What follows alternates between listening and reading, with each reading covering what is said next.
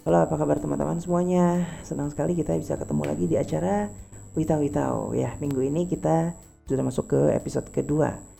Kita kali ini akan membicarakan tentang satu hal yang sebenarnya cukup jadi dilema bagi teman-teman yang mungkin baru mau menulis, baru mau menyusun cerita. Ada satu hal yang sebenarnya cukup menjadi kesulitan ketika kita mau memulai cerita. Materi hari ini punya hubungan dan kaitan yang erat sekali dengan materi kita yang minggu lalu, yaitu tentang premis. Jadi untuk lebih bisa memahami silahkan klik saja dulu materi yang kemarin biar tahu apa itu premis dan bagaimana rumusnya lalu fungsi-fungsinya seperti apa. Pada materi hari ini mungkin memang akan ada serempetan sedikit ke premis tapi tidak banyak. Akan lebih afdol lagi kalau teman-teman mengikuti dari episode yang minggu lalu supaya lebih nyambung. Nah, pada minggu ini kita akan membahas saat menyusun cerita mana yang harus kita dahulukan. Apakah konflik terlebih dahulu atau membangun karakter terlebih dahulu? Kita mulai setelah bumper.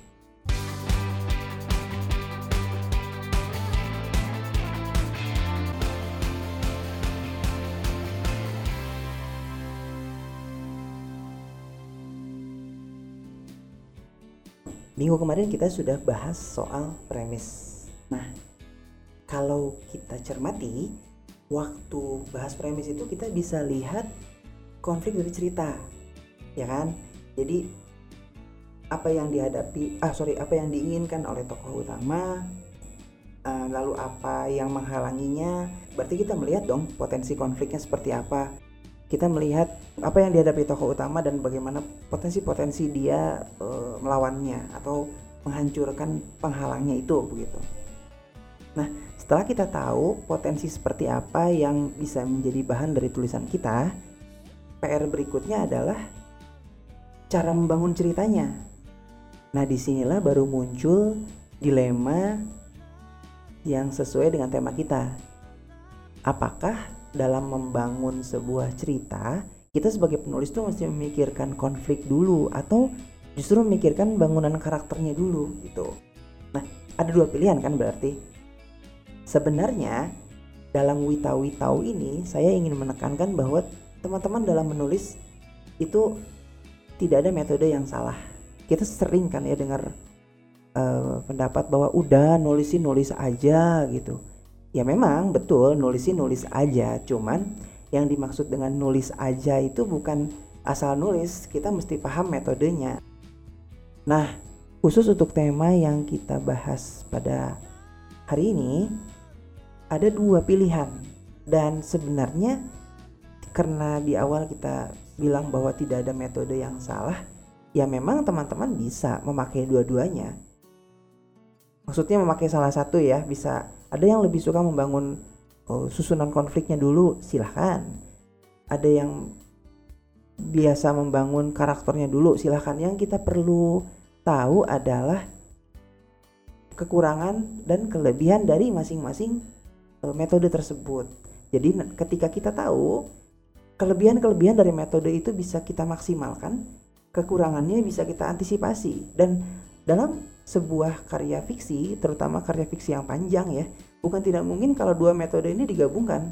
Misalnya untuk bikin novel nih bab satu mau bikin pakai metode A lalu bab dua pakai metode B ya silahkan saja gitu. Yang penting ceritanya jalan. Yang penting juga teman-teman tahu kelebihan dan kekurangan dari setiap metode gitu. Bukan metodenya yang salah tapi biasanya ketidakmampuan kita mengantisipasi kekurangan kekurangan-kekurangan itu yang bikin uh, metodenya jadi tidak maksimal gitu. Nah, minum dulu ya. Hmm. Berkaitan dengan tema kita yang sekarang, konflik dulu atau bangunan karakter dulu ya. Kita langsung masuk contoh saja ya.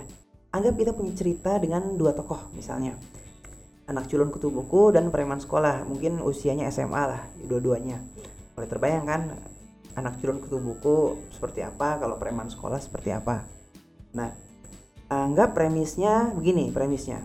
Uh, protagonisnya adalah anak culun itu. Hmm, premisnya begini. Seorang anak culun kutu buku ingin merebut hati cewek paling cantik di sekolah paling bahenol paling seksi gitu. Tapi dia dihalangi oleh preman sekolah itu premis sederhana dan itu sudah terjadi sudah ditulis sekitar uh, eh, 6.784 kali dalam film-film Indonesia. Baik film bioskop atau film sinetron atau FTV premisnya seperti itu dan kita punya dua tokoh berarti kan? Ada anak culun dan preman. Misalnya kita sekarang ingin membangun konflik dulu.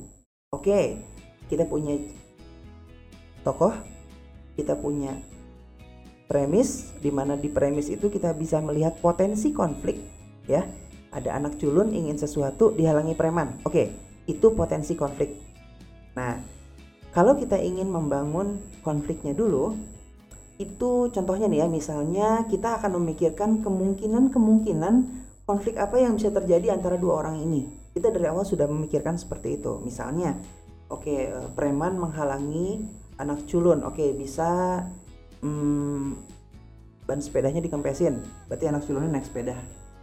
Bisa dipukuli, bisa dimasukin ke dalam uh, torn air. Bak mandi. Digantung terbalik di tiang bendera. Serem ya? Enggak. Uh, bajunya ditumpahin saus misalnya. Jadi gangguan-gangguan seperti itu. Kita akan memikirkan itu kita akan memikirkan ini potensi ributnya antara tokoh A dan tokoh B ini gimana nih gitu. Kita kita memikirkan konfliknya dulu. Oke kalau ada teman-teman yang lebih suka memakai cara itu silahkan pikirkan dulu potensi-potensinya mereka seperti apa. Kemungkinan besar mereka begini kemungkinan besar mereka begini kemungkinan besar mereka begini. Nah dari semua potensi itu kita akan bisa menyusun ceritanya oke teman-teman semuanya kita break dulu dengan satu lagu yang pendek banget dari uh, The Footnotes uh, Blame It on the Boogie. Kalau yang suka nonton film Pitch Perfect atau pernah nonton Pitch Perfect pasti tahu film uh, lagu ini. Uh, jangan khawatir kalau di acara Wita Wita lagunya pasti pendek-pendek. Blame It on the Boogie juga cuma 52 detik. Kita akan ketemu lagi setelah lagu ini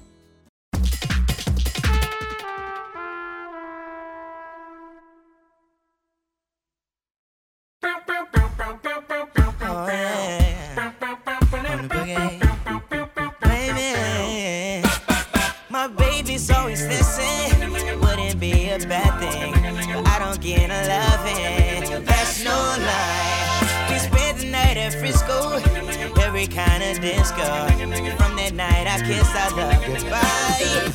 Don't blame it on the sunshine. Don't blame it on the moonlight. Don't blame it on the good times. Blame it on the boogie. Don't blame it on the sunshine. Don't blame it on the moonlight. Don't blame it on the good times. Blame it on the boogie. Hey, I just can't, I just can't, I just can't control my feet so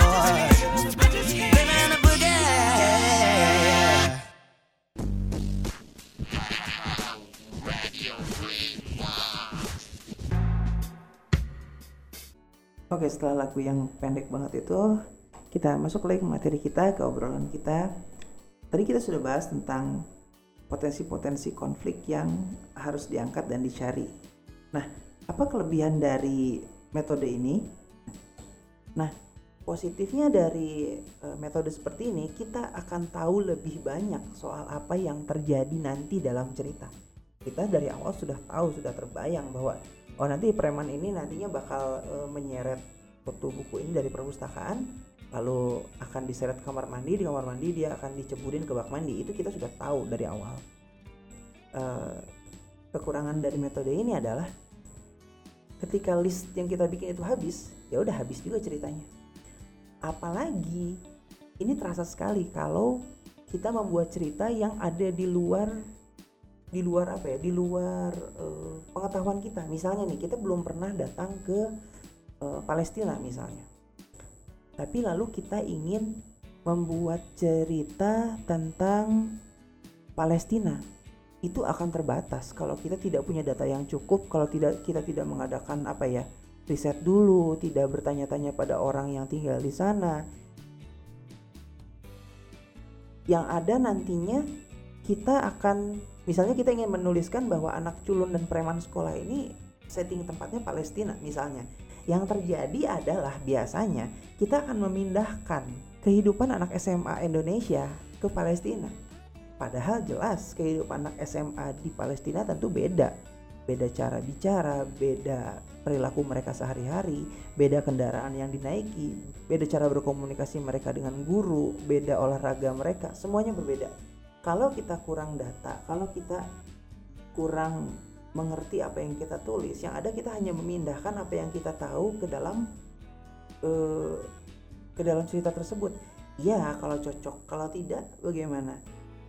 Nah, sebenarnya ada teknik untuk mengamankan hal ini. Ada. Nanti kita akan bahas di episode yang lain ya. Bagaimana kalau ini terjadi, tapi kita ingin tetap aman situasinya. Ini ada. Nanti saya akan bahas lah ya. Nanti kita tidak sedang membahas itu. Kita membahas cerita dengan setting Indonesia. Kembali ke uh, tema. Kalau ceritanya didahului konflik, dulu kita harus bikin list apa yang mungkin terjadi antara dua tokoh ini. Positifnya adalah kita akan tahu lebih banyak soal apa yang akan terjadi kelak di cerita. Kalau kita buntu-buntu kita tinggal lihat listnya aja. Oh listnya seperti ini gitu.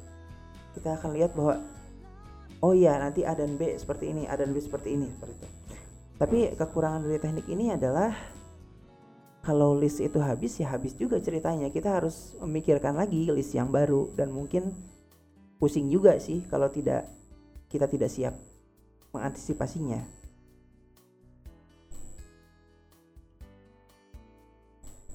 Nah, sekarang bagaimana kalau kita memutuskan untuk membangun karakter dulu? Membangun karakter artinya dari awal sebelum menulis, mungkin setelah menulis premis ya. Setelah kita tahu bahwa cerita kita punya dua tokoh, tokoh culun dan tokoh preman, yang mana si culun menginginkan apa dan dihalangi oleh preman gitu. Saat kita sudah tahu bahwa kita punya dua tokoh ini dan kita ingin menggunakan metode bangunan karakter dulu, maka yang pertama kita harus lakukan adalah mengelaborasi kedua karakter tersebut. Kita bikin listnya juga, tapi bukan list uh, potensi konflik seperti tadi yang digantung terbalik tiang bendera, ban sepeda dikempesin atau dimutilasi, dibakar kayak gitu. Enggak, bukan itu. List yang kita buat sekarang adalah list elaborasi karakter. Jadi kita buat apa saja yang harus uh, menjadi penggambaran dari kedua karakter tadi. Hasil dari list ini adalah kalau yang tadi uh, hasilnya adalah kita akan mengetahui apa yang akan terjadi antara kedua orang ini. Kalau daftar yang satu ini adalah kita akan bisa menggambarkan siapa si culun ini, apa yang dilakukan si preman, bagaimana si preman ini hidup dan seterusnya. Contohnya adalah e, begitu kita mengelaborasi tokoh yang culun, kita sudah sampai ha tahap harus mengetahui pakaian yang dia kenakan. Mungkin bajunya selalu dimasukkan gitu, sepatunya selalu bersih dan rapi, atau mungkin e, untuk menambah keculunan biasanya kacamatanya bingkainya tebal, bingkai bapak-bapak tahun 50-an gitu mungkin. Terus mungkin ikat pinggangnya agak sedikit ke atas jadi oh, celananya tampak lebih panjang sementara bajunya tampak lebih pendek ke mana-mana dia selalu membawa kamus bahasa Inggris misalnya lalu kalau jalan selalu menunduk. Lalu itu baru fisik ya. Kita juga akan tahu bagaimana cara dia bicara. Apakah dia gagap? Apakah dia bicaranya perlahan? Begitu juga hmm, yang preman bagaimana dia bicara. Mungkin dia kalau bicara selalu melibatkan eh, hewan-hewan kaki empat gitu memaki dengan kaki empat seperti misalnya apa jerapah gitu. Hai jerapah gitu misalnya misal. Terus uh, mungkin kendaraannya. Kalau misalnya yang culun mungkin naik sepeda kalau yang preman mungkin kita bisa bayangkan tokoh macam di apa ya ganteng-ganteng serigala mungkin ya anak-anak SMA seperti itu. Lalu uh, motor-motornya seperti itu. Uh, bisa juga kita gambarkan uh, yang preman ini punya tato di punggungnya tapi mungkin karena peraturan sekolahnya ketat maka tato itu tidak pernah dia tunjukkan seperti itu. Uh, hal seperti itu digambarkan. Bagaimana dialeknya mungkin yang culun ini dialeknya Jawa Tengah banget gitu. Yang preman ini dialog dialeknya Jakarta banget. Mungkin saja sampai segitunya. Bahkan kita juga bisa menggambarkan bagaimana reaksi anak culun ini kalau dia sedang marah. Orang culun bisa marah juga dong. Lama-lama tergambar tuh, oh sosoknya seperti ini. Kalau dia marah seperti ini, kalau dia sedih seperti ini, kalau dia mendapat tekanan seperti ini, kalau dia melakukan hal kecurangan itu seperti ini. Apa yang dia pakai, apa dia yang dia rasakan, apa hal yang bisa bikin dia marah, apa ketakutan terbesarnya dari tokoh-tokoh ini. Lalu kalau dia eh, misalnya down apa yang bisa membuatnya ceria kembali antara tokoh preman dan tokoh culun tentu uh, sangat berbeda apa yang bisa membuat mereka uh, ceria lagi kan? Tidak semuanya mendengarkan musik lalu lalu bisa ceria. Mungkin dua-duanya malah mendengarkan musik tapi juga musiknya kan beda.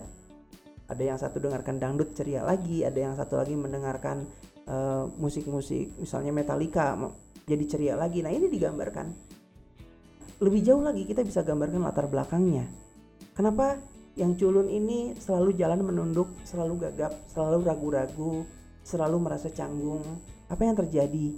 Mungkin dia di keluarganya mendapatkan tekanan dari orang tua untuk selalu berhasil sehingga dia tuh sudah bingung mati-matian kalau dia dapat nilai 70 eh, misalnya. Karena tekanan-tekanan itulah maka dia berubah karakter menjadi uh, selalu merasa gagal, selalu merasa culun, selalu merasa ya seperti itu nah sampai bisa menggambarkan begitu lalu anak preman kenapa dia uh, sampai menjadi preman kenapa dia bersikap kasar oh karena di rumah misalnya ayahnya kasar padanya atau mungkin ayah tirinya kasar padanya hal seperti itu sudah bisa digambarkan di daftar uh, elaborasi karakter yang kita buat nah gitu dulu teman-teman semuanya kita sekali lagi break dan break yang sekarang kita isi dengan lagu dari Huge Grand berjudul Love Autopsy. Lagu ini merupakan soundtrack dari film Music and Lyrics, itu film tahun 2007. Dan durasinya seperti biasa pendek, pendek banget. Yang ini cuma 40 detik. Ya, selamat mendengarkan.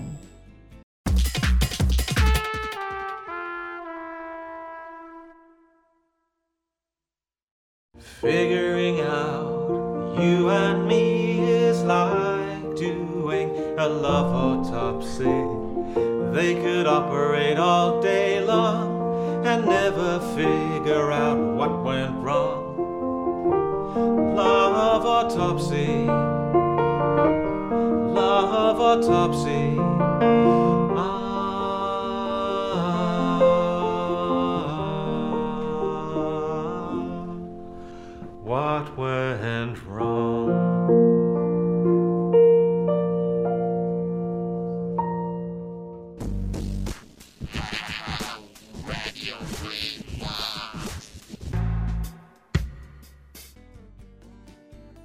Oke teman-teman semuanya, gimana lagunya? Pendek banget kan ya? Baik, sekarang kita akan langsung masuk lagi ke pembahasan kita, ke obrolan kita. Tadi kita udah bahas tentang metode yang pertama tentang bangunan konflik, dan sekarang kita akan membahas lebih jauh lagi metode bangunan karakter, terutama apa kelebihan dan kekurangannya. Jadi metode kedua ini yang membuat kita memulai cerita dari bangunan karakter dulu mengharuskan adanya daftar elaborasi karakter. Kekurangan dari metode ini adalah kita perlu waktu lama untuk memulai cerita. Ini akan cukup sulit buat teman-teman yang mungkin menulis sudah uh, dikejar deadline misalnya. Itu akan akan cukup sulit terasa sulit karena membangun karakter tidak uh, bisa secepat yang dipikirkan. Kadang-kadang bangunannya sudah bagus kita pikir bagus tapi begitu dicoba diterapkan ternyata ah enggak nih gitu seperti itu.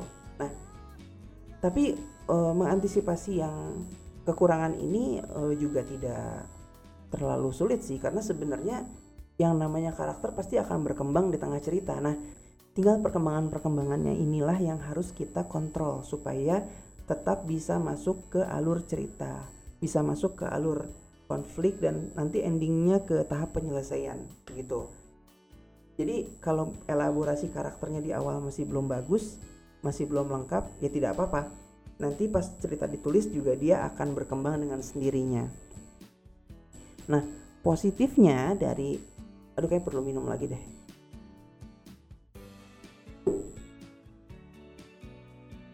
Oke, positifnya dari metode ini adalah kita tidak perlu mendetailkan konflik.